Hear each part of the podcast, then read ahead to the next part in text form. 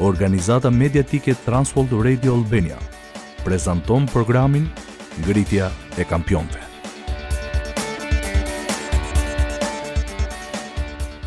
Sot do doja të filloja me një pyetje. Cila është kombësia juaj? Qytetarë të cilit shtet jeni? Nëse keni udhëtuar në një vend tjetër kur keni mbërritur në kufi, dikush ju ka pyetur për qytetarinë apo shtetësinë tuaj. Pastaj keni paraqitur provën që vërteton shtetësinë tuaj, që zakonisht është pasaporta. Por pasaporta gjithashtu përfaqëson ligjet, rregullat, zakonet dhe gjithçka tjetër që i përket vendit tuaj. Në disa raste në vende të ndryshme, ju mund të jeni të dyshim, por po sikur të jeni qytetarë të qiellit. Mirë se erdhët në programin Ngritja e Kampionëve. Unë jam Eri dhe me mua në studio është Pierini. Në këtë seri programesh jemi duke folur për karakteristikat e të krishterëve. Sot do të diskutojmë se si një i krishterë që është në Krishtin është qytetar i qiellit. Do të flasim gjithashtu se si rregullat dhe ligjet e qiellit duhet të ndikojnë në jetën e të krishterëve çdo ditë. Qëndroni me ne, ndërsa diskutojmë mbi këtë temë të mrekullueshme në Ngritja e Kampionëve.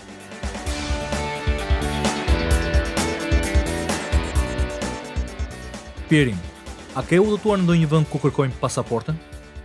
Po, kam udhëtuar, kështu që mund t'i përgjigjem pyetjes mbi shtetësinë ose qytetarinë. Prova që duhet të paraqesim duhet të jetë e vlefshme, përndryshe nuk kemi asnjë përfitim nga kjo shtetësi. Një nga përfitimet është kalimi i kontrollit kufitar. Kjo është ndoshta arsyeja pse apostulli Pal përdori këtë fjalë. E ke fjalën për atë që Pali u shkroi Filipianëve? Po. Tek Filipianëve kapitulli tre, vargjet njëzet dhe njëzet e një Pali shkroi, Sepse qytetëria jonë është në qiejt, prej nga dhe e presim Shpëtimtarin, Zotin Jezus Krisht, i cili do ta transformojë trupin tonë të përunjur që të bëhet i ngjashëm me trupin e tij të lavdishëm, sipas fuqisë së tij që t'i nënshtrojë ndaj vetes të gjithë gjërat. Pali po thotë se si të krishterë, filipianët janë qytetarë të qiellit. Qytetaria ishte një çështje e rëndësishme në kohën e Palit. Pali ishte qytetar romak dhe kishte përfitime të mëdha nga kjo. Kjo i jepte mundësinë që ta ngrinte çështjen e tij para Çezarit. Po, kjo ishte një nga drejtat e qytetarëve romakë.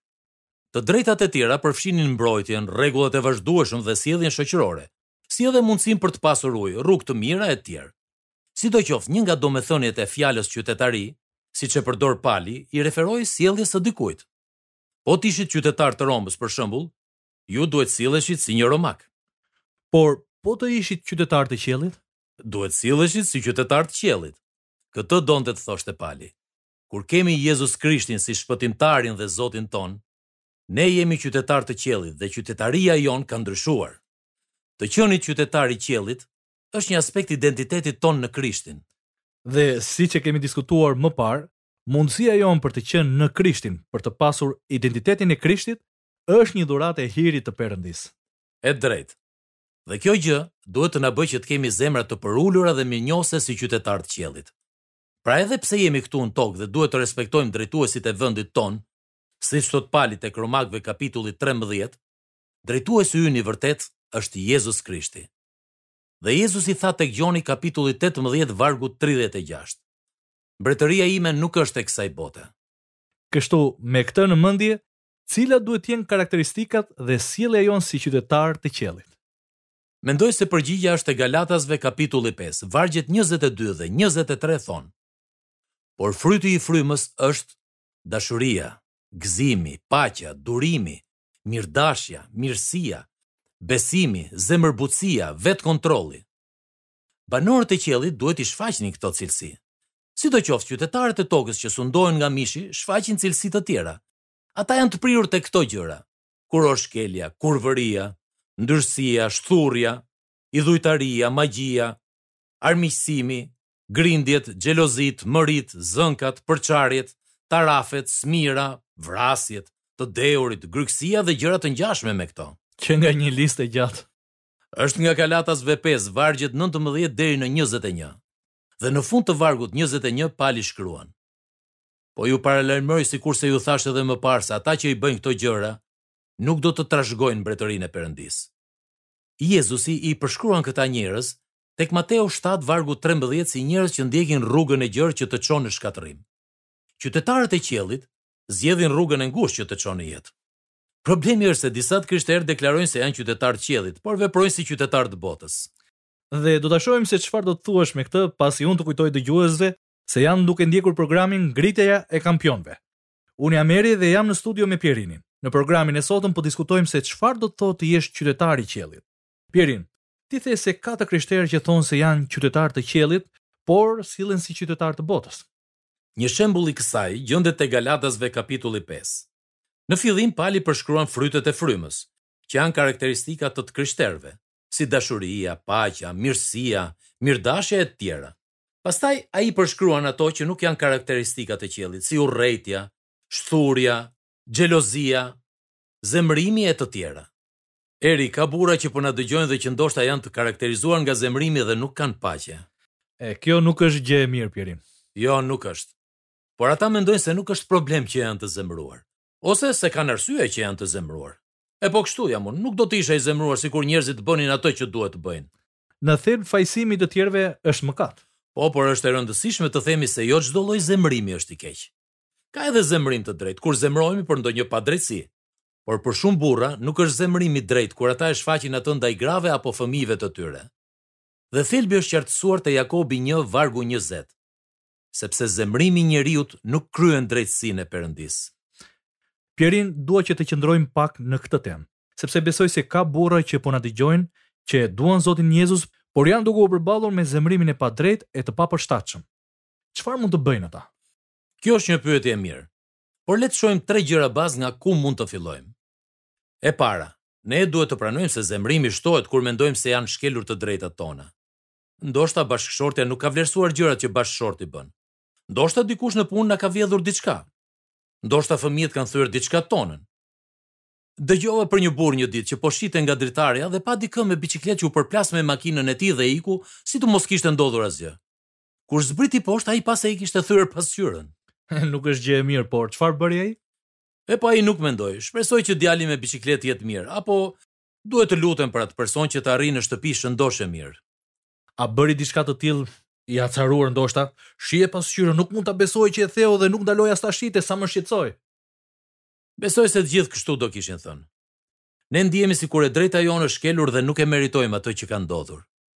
Ndonjëherë ka disa faktorë të tjerë, si frika apo trauma nga e kaluara jonë që na e nxisin zemërimin.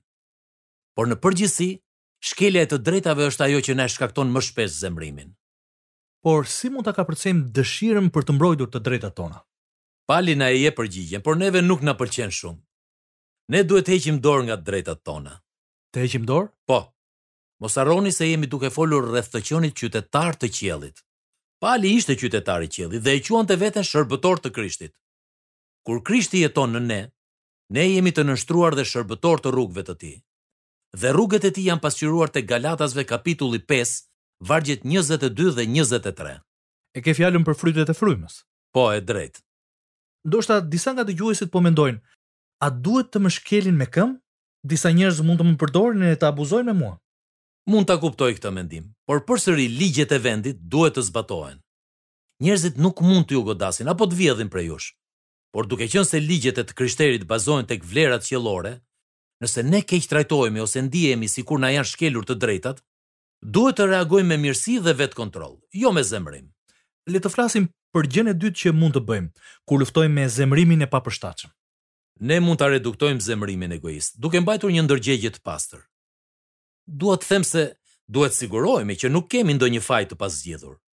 Kur ndihemi fajtorë për diçka, ne reagojmë me zemërimin ndaj bashkëshortes apo familjes sonë ose ndaj kolegëve në punë. Mënyra më e mirë për të pastruar veten nga faji është t'ia rrëfejmë Perëndisë atë që kemi bërë, pastaj edhe personit që kemi ofenduar, kur kjo është gjëja e mençur dhe e sigurt që duhet të bëjmë. Mund të duket si gjë e vogël, por mos e nënvlerësoni fuqinë e fajit që mund të provokojë zemërimin tonë. nuk e kisha kuptuar që ekzistonte një lidhje kaq e ngushtë. Ekziston. Dhe gjëja e tretë që mund të bëjmë, është që kur të përballemi me zemërimin e papërshtatshëm, të dimë se jemi në një luftë frymore me Satanin. Efesianëve kapitulli katër vargjet njëzet e gjashtë dhe njëzet e shtatë thonë, Zemërohuni dhe mos mëkatoni, dielli të mos perëndojë mbi inatin tuaj, dhe mos i jepni vend djallit. Zemërimi i pavend na bën të prekshëm ndaj lojërave të Satanit. Mendoni për herën e fundit kur keni qenë vërtet të zemëruar. Çfarëdo që ka ndodhur, a ia ka vlejtur që jeni zemëruar? Po e them ndryshe. Si qytetarë të qiellit që jemi në Krishtin dhe që vazhdimisht kemi frytet e frymës për të cilët folëm, a ia ka vlejtur që jemi zemëruar? Kjo e ndryshon këndvështrimin tonë, apo jo? Si qytetarë të qiellit, ne duhet të kemi një këndvështrim të ndryshëm. Ne mund ta kapërcejmë zemërimin egoist, kur Krishti jeton në ne dhe përmes nesh. Pirin, shpresoj që dëgjuesit ta kenë kuptuar këtë program. A mund të na bësh një përmbledhje të shpejtë të lutem? Sigurisht. Si të krishterë që jemi në Krishtin, ne jemi qytetarë të qiellit. Si të tillë duke qenë se Krishti është në ne, ne kemi zgjedhjen të sillemi si qytetarë të qiellit, që jetojnë sipas frymës dhe jo sipas mishit. Një nga zonat e mishit është zemërimi. Diskutuam se si mund ta kapërcejmë zemërimin e papërshtatshëm, së pari duke mos u kapur pas të drejtave tona, por duke u përqendruar tek pasqyrimi i Jezusit në botën ku jetojmë. Së dyti, duke pastruar ndërgjegjen tonë nga faji i pazgjidhur. Dhe së treti, duke kujtuar se Satani dëshiron që ne të dështojmë dhe zemërimi shpesh na bën më të prekshëm ndaj sulmeve të Satanit. Shumë faleminderit Pirin. Miq, shpresojmë që sot të jeni sfiduar në sjelljen tuaj si qytetarë të qiellit.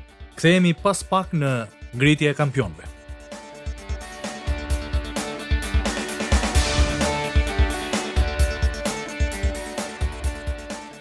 Faleminderit që na ndoqët në programin Ngritja e Kampionëve, ku shumë burra pajisen dhe forcohen për të përmbushur potencialin që Perëndia u ka dhënë. Sot kemi diskutuar se si të krishterë që janë në Krishtin janë qytetarë të qiellit. Ky material ishte bazuar në punën e John Woodward dhe Grace Fellowship International dhe u përdor me leje. Gjithashtu mund t'i dëgjoni programet në www.burraluftëtar.al. Trans World Radio Albania sjell në shqip një kurs dishepullizimi vetëm për burra. Më shumë informacion mund ta gjeni në faqen tonë www.burraluftëtar.al. Këtu mund të gjeni gjithashtu hapa praktikë se si të filloni një studim me një grup burrash përmes këtij libri. Çdo burrë është një luftëtar. Është një kurs dishepullizimi modeluar për të ndihmuar burrat të kenë sukses në jetë. Ky kurs është për burra që duan të bëhen luftëtarët që Zoti ka synuar të jenë, duke mos jetuar një jetë mediokre, por duke u maturuar dhe duke u pajisur në fushat ku burrat luftojnë dhe duhet të fitojnë. Nga unë Eri dhe nga Pjerini, faleminderit që na ndoqët në ngritja e kampionëve dhe Perëndia ju bëftë burrat që ai e di se mund të jeni.